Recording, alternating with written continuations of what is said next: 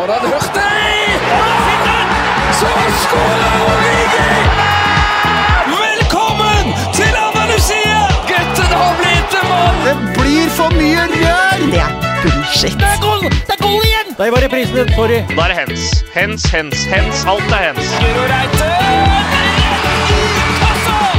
Spillerne som skal spille finale i VM, de trenger hvile inn mot søndagen.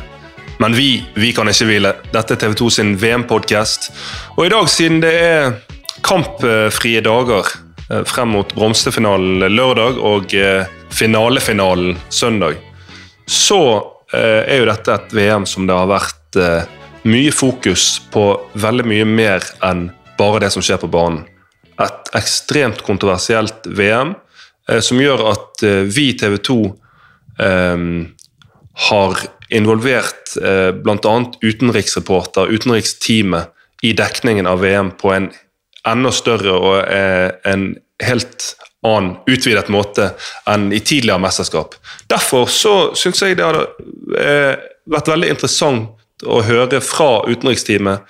Dette her er reporter som har dekket det som skjer rundt om i verden. Alt fra krig og elendighet til eh, politikk osv. Vi skal høre fra sjefen for den utenriksgruppen, Aslaug Henriksen. Hun skal fortelle litt om de møtene, de vurderingene eh, de gjorde før VM. Og så skal hun eh, si litt om hvordan hun føler de har landet de målene eh, de hadde for dekningen av VM. I tillegg til det så har eh, vi med oss en utenriksreporter, Fairos. Hun skrev en helt fantastisk artikkel eh, den 17. november, før, før åpningskampen, som het 'Den arabiske drømmen'.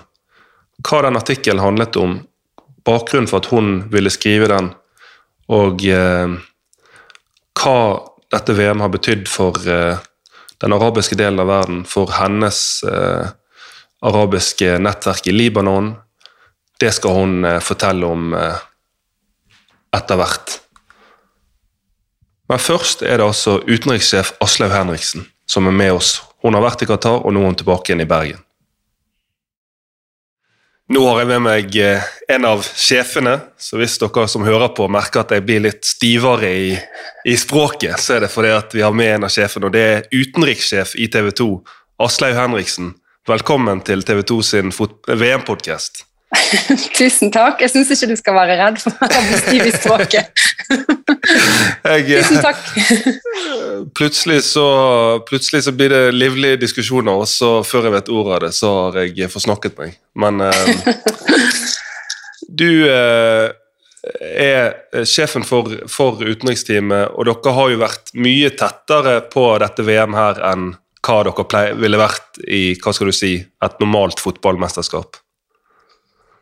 Ja, altså vanligvis så har vi eh, vært samarbeidet godt med sporten i forkant av eh, mesterskap, men det har vært en sånn tendens til at i det eh, ja, første kamp er i gang, så, eh, så begynner jubel, og så trekker vi oss litt ut, da. Men i, i forkant av Russland, både Sotsji, OL og Russland VM, så var det jo ganske vanskelig for oss å jobbe faktisk kritisk, der kollegaer ble anholdt og diverse. Så, så, denne gangen så tenkte vi at vi har lyst til å, å jobbe sammen med sporten gjennom hele mesterskapet. Um, og vi hadde et møte ganske tidlig i 2020 med Eistein Tue, fotballsjef, uh, der, og dette var jo lenge før uh, Det høres jo veldig lenge siden ut, da, men i 2020 Det var jo før krigen i Ukraina, og det var før uh, boikottdebatten her i Norge.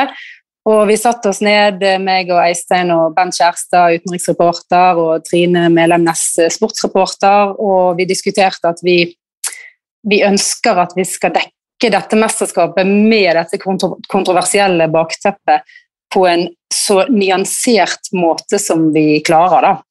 Mm. Så da bestemte vi oss ganske tidlig for å reise f.eks. til Nepal og andre land der migrantarbeiderne kommer fra sånn at vi kunne møte de eh, i, trygge rammer, og at ikke vi satte noen av de i fare ved å møte de i Qatar. Da. Sånn at vi kunne også føle at de snakket litt friere med oss og fortalte mm. sine historier.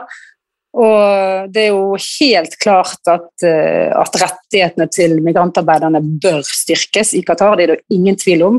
Og ikke bare i Qatar, i hele regionen. Eh, men, men det de fortalte oss, var jo Ok, noen fortalte om helt forferdelige forhold, noen fortalte at de hadde blitt um, ufør, uh, og at ikke de hadde fått lønn som avtalt, og alle disse historiene som vi har hørt. Men også det at veldig mange ønsket å reise til Qatar. Um, de var stolt og har fått lov å være med å bygge opp uh, VM-landet. Og, og der, derav den nyansen, eller det nyanserte bildet vi ønsket å, å fortelle om. Da, at det er selv om det er utrolig mye kritikkverdig i Qatar, og spesielt i Fifa, så, så er det også en, en, hel region som er veldig stolt over dette mesterskapet, og det skal vi også fortelle. Ja, for Du har sagt litt om det nå. For Det neste spørsmålet var egentlig hva målene dere hadde eh, i ledergruppen eller for Urix-gruppen før VM? Ja, Det var jo det å være nyansert, og så var det eh, Selvfølgelig vi gikk jo inn med litt sånn hvor mye journalistikk klarer vi egentlig å utrette i Qatar? Vi var jo veldig spent på det, altså fordi at, eh, som jeg nevnte, at vi må ta hensyn til kildene vi møter. Altså vi selvfølgelig tar vare på vår sikkerhet, men vi må også ta hensyn til sikkerheten til de vi intervjuer. Eh, så vi var liksom spent på, før vi dro ned, hvor mye vi faktisk klarte å lage av journalistikk der nede. Derfor hadde vi jo laget en del på forhånd. Men eh, Og jeg vet ikke om du husker den historien med han eh, Hussein som var fast i Doha, som vi hadde eh, flere saker på. Som, ja, han Det er et sånt eksempel der vi vi var redd for hans sikkerhet ved at han snakket med oss, og derfor så valgte vi å lage, gjøre den reportasjen og alle opptakene litt sånn trygge rammer og trygge steder, og der vi filmet med mobiltelefon f.eks. istedenfor et stort kamera. Altså, vi tok en del sånne mm. hensyn underveis. da. Um, men, men, det var jo ikke så vanskelig å jobbe som journalist i Qatar som vi kanskje trodde på forhånd. Nå tok jo dansk TV 2 kanskje en for laget ved at de ble stanset på en live, eh, og etter det så kom det ut sånne meldinger om at ingen skal plage media. ja, for jeg lurte på, eh, Som leder for utenriksreporterne, var du på forhånd eller underveis bekymret for deres sikkerhet? Nei. Um, jeg er mye mer Eller bekymret. Jeg, jeg er mye jeg syns det er verre å sende gjengen min til Ukraina og til Russland og Syria og andre steder enn til Qatar. Da. Så jeg var ikke så bekymret for det. Vi vet jo på en måte hvilke regler vi må forholde oss til altså, i forhold til at journalister har blitt fengslet, selvfølgelig. Så vi visste jo hvilke mm, begrensninger vi hadde i vår journalistikk, og vi var veldig åpne om at det skal vi være ærlige på i reportasjen. altså typ vi får ikke lov å filme den veien, men vi kan fortelle om hva som skjer. Sant? At vi er liksom mm, mm. åpne om begrensningene vi har. da. Um, så jeg følte vel Litt sånn rar følelse, egentlig. fordi at før vi dro ned, så tenkte jeg at dette er det vanskeligste oppdraget vi har liksom, noensinne. Um, og så idet du kommer ned, så får du sånn følelse av at um, at Vi må bare være sånn åpne og ærlige, tror jeg. Jeg tror det var litt sånn høye skuldre i hele gjengen. og, og hvordan, skal vi, hvordan, skal vi, gjøre dette, hvilke ord skal vi bruke når vi snakker på TV? og uh, Hvordan skal vi på en måte håndtere dette? Da? Men, men uh, å være sånn åpen og ærlig tror jeg, uh, tror jeg er bra. Mm. så lurte jeg på dere hadde jo de målene om å være nyansert og de tingene som du har snakket om. Men nå er det jo tirsdag, og det er fem dager igjen av VM. Går mot slutten. Og dere har jo, det, altså det er jo ikke bare underveis i mesterskapet. Dere har gjort en formidabel jobb med å følge opp, som du sier. Dere har vært i Nepal, dere har hatt dialog med noen av disse migrantarbeiderne i lang lang tid før VM begynte. Men nå når vi nærmer oss slutten, det er fem dager igjen av VM, hvordan syns du dere har eh, landet de målene dere hadde før mesterskapet?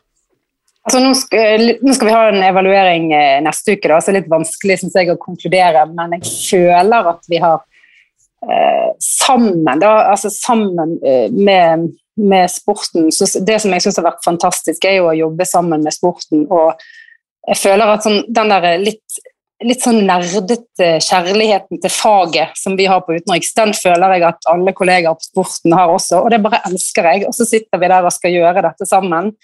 Eh, så det er jeg veldig glad for at, eh, at vi har fått til. Og så um, det, det er et par sånne Ja, jeg, jeg tror Jeg føler vi har fått satt en tone som jeg, jeg, er stolt av. Jeg er stolt av mange av eh, reportasjene vi har laget, og det samarbeidet. Hva er du mest stolt av? Jeg er mest stolt av egentlig det samarbeidet, tror jeg. Jeg syns det var utrolig kjekt å få til. Og så er jeg eh, mest glad for at, vi, at Hussein kom seg ut av Doha, og at alt det gikk bra. Um, og så, så, så har det vært en del sånne der, diskusjoner underveis. Eh, litt var inne på det med typ, hvordan skal vi filme og diverse for å ikke sette noen i fare. Men, men et sånn eksempel som jeg synes var litt sånn interessant i starten, da, så var det jo en del diskusjon på Twitter om disse fake fansene. Vet ikke om du husker det? Mm. Jo, det husker jeg veldig godt. Um, og så blir det sånn, Da vi akkurat landet, vi er der og ser disse fansene eh, gå rundt, og så, og så tenker jeg sånn Hvordan kan vi enten sitte i Bergen i Norge eller her i Doha og være sånn dommer over om det er ektefølt fotballkjærlighet eller om det er fake. da. Altså, jeg føler det, sånn, det konkluderes så utrolig nådeløst på Twitter, i hvert fall. Eh, og, og, og samtidig sitter halve Norge og heier på England, eller hvem vi heier på. Så skal vi, så skal vi liksom ikke tro at folk fra Bangladesh kan heie på Argentina. Så blir jeg helt sånn mm folk må bare være, puste litt dypere og tenke seg litt om før de venter sånne ting. Da. det er det jeg. Så det, og det er sånne, sånne oppdagelser var det hele veien der nede, at du, at du nærmest um, altså, Jeg kan fortelle om et møte jeg hadde da, med en, en som er født og oppvokst i Doha. Um, han, altså meg og Erik Thorstvedt og Tom Rune Orseth sto nede på, med marinaen der og skulle gjøre et opptak. Og så kommer det en fyr bort, og så vi, kommer vi snakk med han, og så er han født og oppvokst i Doha. Og det er ganske sjelden, for det er jo nesten bare 15% av befolkningen som er qatarere. De aller fleste er jo fremmede eller migrantarbeidere eller gjestearbeidere. Og så blir vi kjent, og så sier jeg at vi, vi, må jo bli bedre kjent med deg siden du er født og oppvokst herfra, og vi må jo komme hjem til deg og lage reportasje, og du kan mm. fortelle oss litt om qatarsk kultur. Ja, ja, ja, det var ikke noe problem. Og så ble vi bare enige om at vi ringer senere. og så hadde ikke vi helt sånn tid i starten. Og så går det en halvannen uke, og så står jeg i, i Sukken, altså sånn markedsområde da, i, i Doha mm. der. Og det er sikkert tusenvis av mennesker der. Og så kommer han bort til meg i sin tradisjonelle drakt med sine kompiser. Og litt sånn, litt sånn pekefinger til meg, da. Um, på en litt sånn vennlig, men uh, bestemt måte, der han eh, han hadde gått inn og lest på tv2.no og fått oversatt noen av artiklene våre og mente at vi var altfor kritiske til dette mm. mesterskapet, og at vi dermed ikke unnet liksom Qatar dette mesterskapet.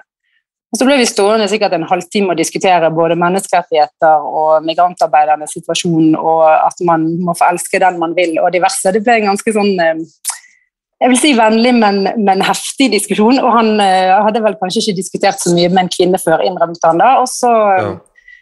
og så endte det med at vi ble venner. det var vi fra før, altså. og, så, og så at vi kanskje skulle få komme hjem til han likevel. Vi får se. Han var litt sånn. Og så, ja. um, og så etter jeg kom hjem, da, så ringte han meg um, for å beklage at han hadde vært så um, ja, litt sånn uhøflig, mente han. Men han, jeg følte ikke han var uhøflig, men at han beklagde liksom at han eh, hadde vært oppført seg på den måten. Og mm. uh, hadde tenkt veldig mye på de tingene jeg hadde sagt om, om uh, menneskerettigheter og diverse. Og vi var enige om at vi var uenige, uh, men han ville gjerne liksom fortsette dialogen. da. Så, og det har jeg tenkt mye på etterpå. da. Det er jo det det handler om. Ikke være så grådig nådeløse og ikke rette pekefinger til hverandre, men heller prøve å komme i dialog og bli litt bedre kjent og mm. eh, kanskje på den måten da oppnå bedre menneskerettigheter. Det er jo et veldig, det er et veldig konkret eksempel, det der. To, mm. to, folk som møtes, og så er det jo ofte det vanskelig å komme noen vei når det er litt sånn, begynner å bli litt temperatur. Men her virker det som, eh, som det der landet eh, veldig bra. Jeg har invitert han til Bergen på Stolsen, så Da tror jeg dere kommer til å bli uvenner igjen. Men kun hvis vi snakker om menneskerettigheter. Men jeg Spørs, synes du spørs sier- hvordan puster det, da.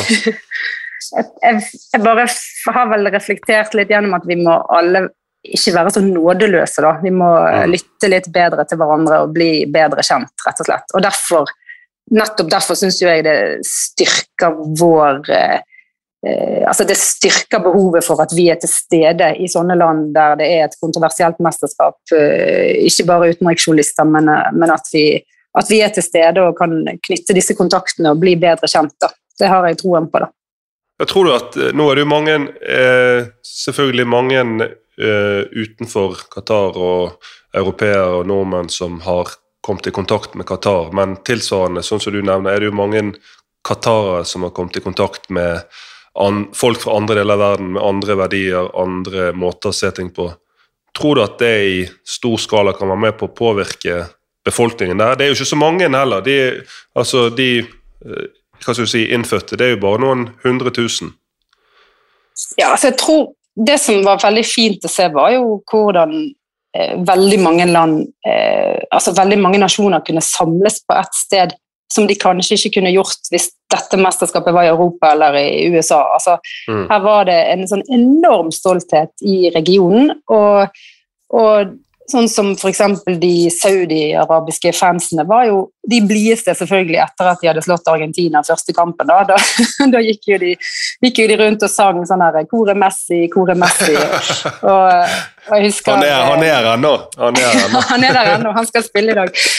men, men eh, Og så kom liksom morsomme Jeg vet ikke, så tenker jeg sånn eh, De lever de, har, altså, de lever i et land der det er et regime som som vi eh, syns er helt forferdelig, selvfølgelig. Men disse menneskene som er derfra, og som reiser over grensen og deltar på denne fordi fotballfesten Det var egentlig ganske sånn fint å se, da. Men eh, også, Syns ikke, ja, Ja. jeg skal bare skyte inn Syns ikke jeg har tenkt på at eh, det er jo veld, veldig viktig å skille på for, forskjell mellom å kritisere folkene, de som kommer der for å se fotball og for å kose med fotball, og regimene. Det har i hvert fall noe som jeg har blitt veldig bevisst på. Og så har jeg tenkt også på sånn, Hvis jeg var født i Saudi-Arabia, hvordan ville jeg tenkt? Hva ville vært mine tankesett og verdier? Og da, med en gang du begynner å tenke sånn, så er det plutselig ikke så lett å være så bombastisk eller være så krass eller hard, eh, litt sånn som du beskriver. Mm. Nei, og i hvert fall ikke liksom rette pekefing til noe. Eller liksom, altså jeg tenker sånn som med Qatar, da, så er det på en måte ingen problem at Norge har store næringslivsinteresser der, eller det er ingen problem at vi eh, hele Europa kan eh, fryse og be om litt mer gass, eller eh, Vesten trenger hjelp til evakuering fra Afghanistan. Da er det ingen som spør om menneskerettigheter eller, eh, eller diverse. Men, men eh, når det kommer til denne fotballfesten, så kommer denne pekefingeren. da. Sånn Mm. opplever de det i Qatar, og så merker jeg at jeg når du snakker med dem, så skjønner jeg at de er litt sånn Å ja, dere unner ikke oss dette mesterskapet. Uh, og det gjør vi kanskje ikke. Men underveis, nå har vi snakket om Dere har jo klart å lande det ganske bra i forhold til det som var målsettingen. Men underveis, hva er det øyeblikket eller situasjonen der du som utenrikssjef har vært mest svett, mest nervøs eller engstelig? I løpet av mesterskapet nå Ja.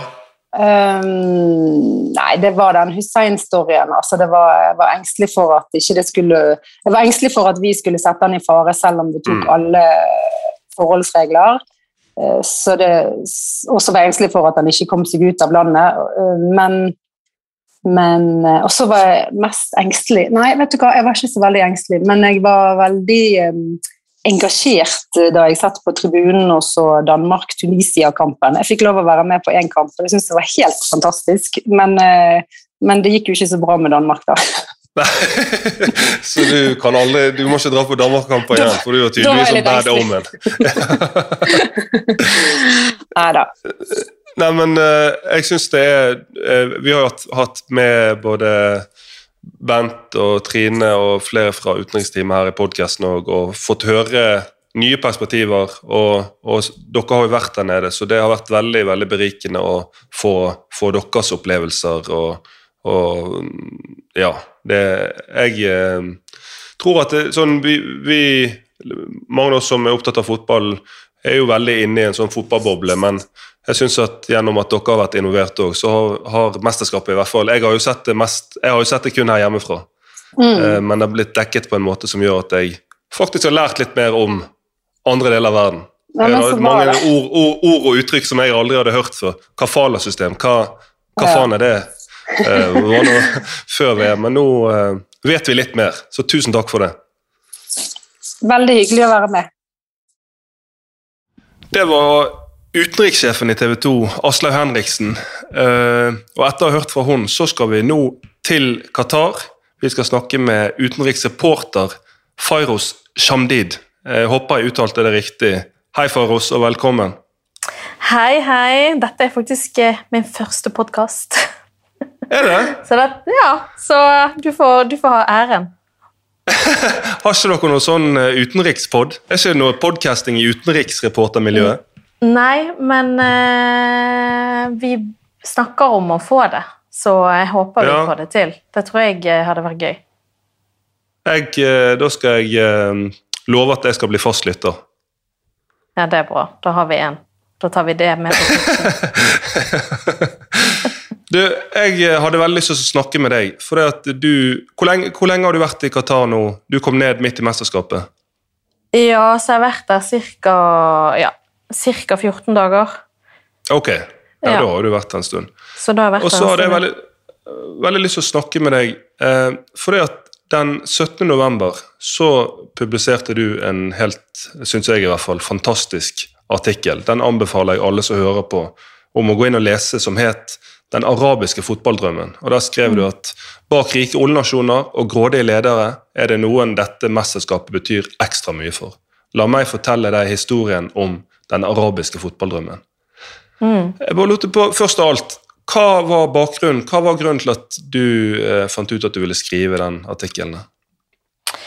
Eh, noe av bakgrunnen til det er vel at jeg pratet med eh, både familie og venner som bor i regionen her, altså i Midtøsten, eh, som vi hjemme kanskje tenker ikke får med seg noe av den kritikken som, som har eh, dukket opp, spesielt i Nord-Europa og i, i mm. Norge, i Danmark.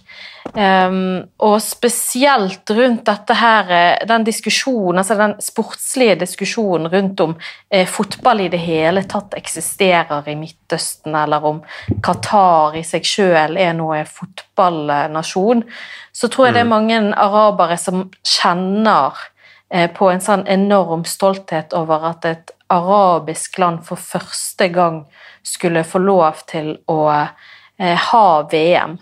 Eh, så jeg tror de, både de og gjennom samtaler med de så skjønte jeg at det er på en måte lite, en liten eh, del av historien her som er vekke, da, som drukner i den kritikken eh, som har dukket opp underveis. Ja, og Når du sier familie, og du snakker om egen familie, hvor er det du har familie? Jeg har familie i Libanon. Jeg har, begge foreldrene mine er fra Libanon, flyktet til eh, Norge på 90-tallet, så jeg er jo født og oppvokst i, eh, i, Norge, men jeg har jo veldig sterk tilknytning til familien i Libanon. Eh, der vi har dratt på sommerferier nærmest hvert år. så mm. jeg har jo sterk tilknytning til familien og folkene der nede. Og så er det jo litt sånn, Jeg føler at mye av det som du skriver i den artikkelen, har du fått veldig rett i når vi har sett Tunisia, vi har sett Marokko, vi har sett, eh, sett Saudi-Arabia. Eh, for Du skrev jo bl.a. at eh, fotballen ikke er så stor i Qatar, men at arabere som du har snakket med, eh, mener at det er på tide at arabere får ha mesterskapet. Og mm. at eh, blant arabiske land som enten drukner i krig eller elendighet, så er det jo mm. bare Gulflandene som har råd til et så stort mesterskap. Mm. Ja. Og, ja, det, det syns jeg var en veldig god eh, altså et sånn godt innspill, for det at eh, Vi ser jo at dette har betydd mye for de arabiske landene, men sånn som det blir poengtert her, så er det jo sinnssykt dyrt, i hvert fall dette VM, å arrangere. Så det er jo ikke alle arabiske land som har råd, rett og slett. Nei, det er jo ikke alle arabiske land som har råd til dette. Det er ikke alle arabiske land som er egnet til å ha et sånt mesterskap, hvis du bare ser det ut ifra en sikkerhetssituasjon. Nå er jo Qatar et veldig eh, trygt land å være i, samtidig som eh, det er et ganske overvåket samfunn, vil jeg si. Man ser jo eh, overvåkningskameraer over eh, eh alt her eh, nede, så det er jo en tydelig overvåkning. Og, en, og de qatarske myndighetene har jo god kontroll over alt som skjer eh, i landet, men hvis du skal se på en måte regionen i sin helhet, så vet jo man at eh, altså Hvis jeg skal gi et eksempel fra Libanon sant? Man har jo nærmest ikke eh, fotballbaner der nede, og de fotballbanene som har blitt bygget, altså mange av banene er slitt. Eh, selve stadion mm. der man kan spille fotballkamper, er er i elendige forhold. Så du ser jo eh, barna der nede spille fotball på Eh, på eh, gaten. Jeg har sjøl spilt fotball på gaten der nede eh, og falt og skadet hånden min godt. Så jeg har på en måte fått lov til å oppleve den lille, lille biten av det. Men men de barna som vokser opp der nede i de forholdene, ser jo opp til disse store fotballstjernene. De får, de, får, høre gjennom foreldre, gjennom besteforeldre, altså historier om de tidligere store fotballspillerne som, som Maradona, da, som et eksempel. Mm. Eh, og for barn som nå vokser opp i Egypt, sant? får høre historien om eh, Mohammed Salah som kom fra eh, en familie eh, med dårlig råd, han kom fra, fra, enkle kår, og nå er han en av de beste fotballspillerne i verden, spiller for en av de beste klubbene i verden. Så det gir jo de et håp, og, det, og for de eh, å se at et sånt verdensmesterskap spilles i et arabisk land, det er, det er stort, og det er det de på en måte, det er det de forteller, at de ikke ønsker at noen skal ta fra dem, da. Nei, men det at det spiller et stort verdensmesterskap i et arabisk land, hva er det helt konkret det betyr for eh, arabere, tror du? Ja, det betyr, eh, det betyr, enormt mye, og jeg tror eh, det betyr mye spesielt fordi eh, man på en måte får de ser, altså de ser dette her på dette her som en mulighet for de å vise Vesten, da, og vise andre land. Kom til oss, Mm. Vi vet at det er mange eh, stereotypier der ute. Eh, de har lyst til å på en måte bryte barrierer, bryte fordommer. De har lyst til å invitere folk ned hit. Og da snakker man ikke bare om Qatar. Altså jeg har snakket med folk i Libanon som, som håpte at VM i Qatar skulle åpne muligheten for folk til å okay, reise ned dit, se noen kamper, men også reise til andre land i regionen og øke turismen øke forståelsen for regionen, møte på mennesker. Eh, de tingene der. De trodde jo at dette skulle bli eh, den store åpningen for det, da, men det har jo det eh, tydeligvis ikke vært. For jeg tror ikke, jeg tror ikke turismen her nede har blomstret akkurat under dette fotballmesterskapet. Nei, for det, det, var litt neste spørsmål, eller når du, Jeg regner med du har vært i jevnlig kontakt med din familie i Libanon og ditt nettverk der. Hvordan eh, mm. har de eh, opplevd altså selve VM? Hvilke lag er det de har eh, hatt mest hjerte for, og, og hvordan mm. har det vært i Libanon å følge VM? Mm. mm.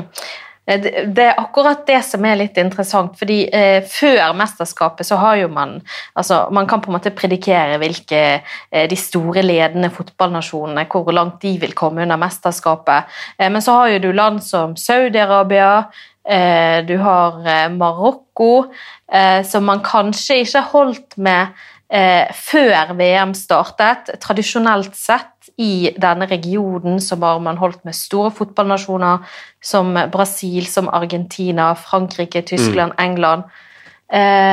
Så så man da hvordan Saudi-Arabia knuste, for å bruke de ordene, da, Argentina i den første kampen. Og da bare å se den stoltheten som saudiaraberne hadde, eh, det tror jeg påvirket mange i regionen. Så jeg begynte jo å se eh, eh venner og familie av meg i Libanon poste på Instagram, var så stolte av Saudi-Arabia for å ha knust oh, ja. eh, en verdensmester som Argentina.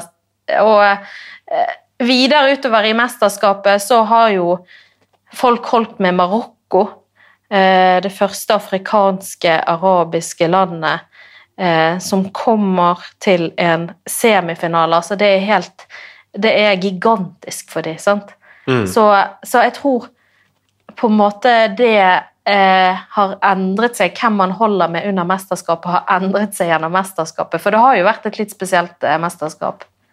Ja, og så eh, Det var jo veldig mange som så den videoen som eh, Jan Henrik eh, Børsli spilte hovedrollen i før VM, der som avslutter med at eh, fotballen skal forene folk. Eh, Mm. Også om, om den kommer til å klare det i dette VM, og han var usikker på det. Men Mm. sånn som du beskriver det, og din erfaring eh, og det du får høre fra Libanon, er jo at det i Mm. hvert fall har forent en del av verden eh, som er, ligger et langt stykke fra Norge. Ja, det vil, ja, det er et veldig godt poeng, og det vil jeg absolutt si at eh, det har gjort for å se. Altså, dette her er en region der det er eh, mange kulturer. altså Hvis du bare ser på Midtøsten i seg sjøl Over tre, eh, 300 millioner mennesker bor her.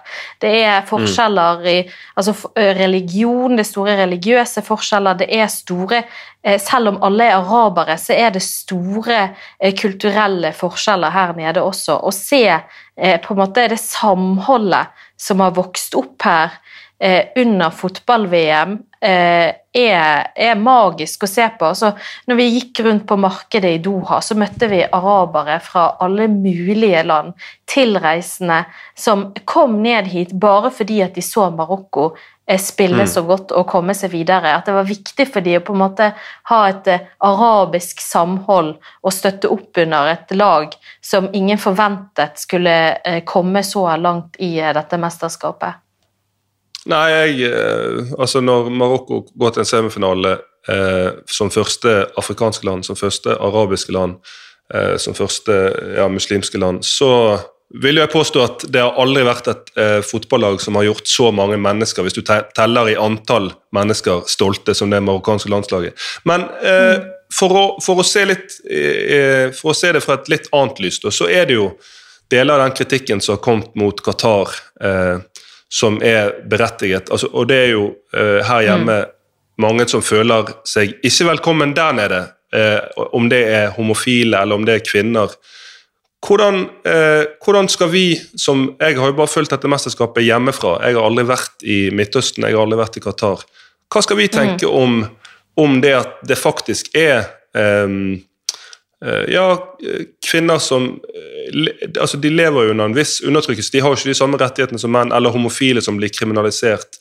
Hvordan skal vi, Jeg syns, det er veldig vanskelig å For jeg syns dette VM her har vært dritfett fotballmessig. Jeg har sittet og kost meg med kampene, og det har vært så mange overraskelser. Det har vært så mange twists and turns, og ja, fotballfaglig så er det så mange eh, nasjoner som tradisjonelt sett ikke har vært fantastisk gode, som har tatt kvantesprang siden forrige gang vi så det i VM. Men så samtidig så, så eh, ligger jo hele tiden i, i bakhodet at det er jo vanskelig å si at det er et VM for alle når det er eh, noen som får rettighetene sine så begrenset der VM blir arrangert. Mm. Mm. Ja, og det er jo det som har vært spesielt utfordrende for oss som journalister. Sant? Vi vet jo at det, det er mye dette landet kan eh, kritiseres for. Det er mange saker å lage på brudd på menneskerettigheter og migrantarbeidernes forhold, og mye av den journalistikken har vi, lagde vi både på forhånd og mens vi eh, var her nede. Og når du snakker med folk da eh, om brudd på eh, homofiles rettigheter, eh, og hvis man ser da regionen i sin helhet, så er det mange av de jeg har snakket med her nede, som sier eh, som på en måte er, Jeg har presentert noen av sakene vi har laget. da, Jeg presenterte det spesielt for én som jobber som eh, medieekspert eh, i, i Dubai. Og eh, han var helt enig i at vi har laget veldig mye god journalistikk, selv om han mener at vi på en måte har fulgt en kritisk eh, linje. Men så snakker han om regionen eh, på en måte der han presenterer det som at det er så mange problemer her nede, kanskje ikke i Qatar, Mm. men i regionen generelt, er det så mange utfordringer, kulturelle utfordringer, religiøse utfordringer. Eh, han dro frem Libanon som et eksempel, eh, der man kanskje hadde på 60-tallet og på 50-tallet, før eh, eh, borgerkrigen, at man hadde et mye mer åpent samfunn. Man var mer på vei mot den vestlige retningen, og så kom eh, eh, borgerkrigen som dro de 100 år tilbake. Mm. Eh, der har jo man organisasjoner, altså I Libanon så har man organisasjoner som jobber for, eh, for eh, homofile. Eh, men det er jo på en måte et land som har utviklet seg i en mer liberal retning, vestlig retning. Iallfall har fått muligheten til det da i løpet av, i løpet av sin eh, levetid. Mens Qatar er et såpass ferskt land, sier han da, eh, Ja. der både religion og kultur står så sterkt ennå. De har ikke eh, utviklet seg på samme måte. Og ikke at det er en unnskyldning, da, men det er på en måte den, eh, det perspektivet de kommer fra. Eh, og at man må, må gi dem en sjanse, da, ifølge, ifølge de man snakker med her nede. At man må, må gi landet en sjanse. Eh, og så har jo vi Ja, og- hørt emir, emiren eller andre qatarer vi snakker med her nede, om Mm. der de forteller at her er alle velkommen, men, men man må Ja. eh, på en måte oppføre seg innenfor retningslinjene, da, hva enn det Ja, og det, det, det er jo den spagaten som jeg føler på, og som sikkert mange føler på, at ja, vi er jo helt enige at man skal ha respekt for kulturen der man kommer, men eh, noen ting syns jeg man ikke bør forhandle på hva angår eh, det å kriminalisere noen for den de er. Samtidig så må jeg innrømme, bare helt ærlig, at jeg syns det var lettere å være mer bastant og svart-hvitt før mesterskapet enn nå. Fordi at jeg har hatt mange gjester, vi har hatt mange gjester her i podkasten, dere nyhetsreportere, vi har hatt stort sett på alle episodene dere som er der nede, som har nyans, nyansert dette her. Og da blir det med en gang akkurat sånn som du forklarer, det blir mye mer vanskelig å være svart-hvitt. Ja, og det er jo eh, sikkert det folk her nede ønsker eh, skulle komme fram, da. At folk eh, Altså, folk her nede ønsket jo ikke et boikott, sant. Man ønsker at folk skal komme hit, bli kjent med menneskene, bli kjent med kulturen. Eh, og det noen av de jeg har pratet med, sier jo også at eh, kom ned. Eh, bli kjent med oss, møt oss før du bestemmer deg for å, mm. hvilke meninger du vil gjøre deg om eventuelt landet eller de som bor her. Og så må ikke man glemme at eh, Qatar, altså qatarerne, eh, er en minoritet i dette landet. Altså det bor eh, jeg tror de er mellom 300 og 400 000 qatarere, og så er det over eh, to millioner fremmedarbeidere eh, som bor og jobber i landet. Eh, og det bor jo homofile her også. Eh, Mm. Som kommer fra andre land som ikke er qatarere. da. Eh, Mm. Og de jeg har snakket med, sier jo at eh, folk som bor og jobber her nede, sier jo at de har homofile på arbeidsplassen, at de har barn i skolen eh, som forteller om eh, eh, klassekamerater der eh, foreldrene er, er, er et homofilt eller et lesbisk eh, par. Så man, det er ikke Mm. sånn at det ikke eksisterer her nede, men hvis du skal se på Qatar, qatarere som en kultur, eh, da beskriver folk det her nede som at det er en mye mer konservativ og lukket kultur der det er vanskelig å bryte med disse barrierene, eh, og at qatarerne var enda mer konservative for 10 og 20 år tilbake, men at det har vært en utvikling. Eh, og de kvinnene vi snakker med eh, Nå er det vanskelig å komme inn på de, da. Det har vært vanskelig å møte på qatarske kvinner, men de vi har pratet med, sier jo også at eh, de er fornøyd med de rettighetene de har, men de vedgår på en måte at de har fortsatt en vei å gå, og at de fortsatt er under utvikling. Mm, mm. Og da lurte jeg på, helt avslutningsvis, den artikkelen din het eh, 'Den arabiske fotballdrømmen'. Den skrev du før VM. Um, nå når vi begynner å nærme oss slutten av VM, hvordan går det med den arabiske fotballdrømmen nå? Jeg eh, tror vi kan si at eh, Marokko har oppfylt den arabiske fotballdrømmen. Eh, eh, det tror vi kan si det så enkelt. Marokko i en semifinale. Eh, Vi var der og så kampen i går. Eh, det var veldig klart at franskmennene var i mindretall. Altså, hele stadion var malt i rødt, og det var ikke bare marokkanere der. Det var, eh, var arabere fra hele eh, regionen som feiret at et arabisk land har kommet så eh, langt under dette mesterskapet. Så jeg kan, tror vi kan si at eh, den arabiske fotballdrømmen, den ble oppfylt. Ja, men eh, tusen takk som ble med, Farouz. Og igjen så minner jeg alle om å, om å gå inn og lese den artikkelen. Vi har gått litt gjennom det her, men eh, den er fantastisk god. Og så Når er det du reiser hjem igjen, da? Jeg reiser hjem i eh, natt.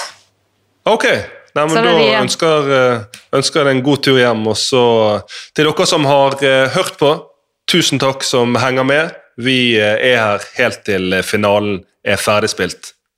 Takk. Så skårer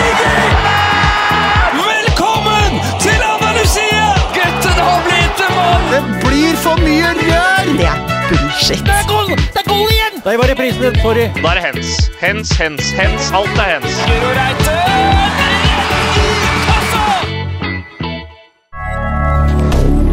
Moderne media.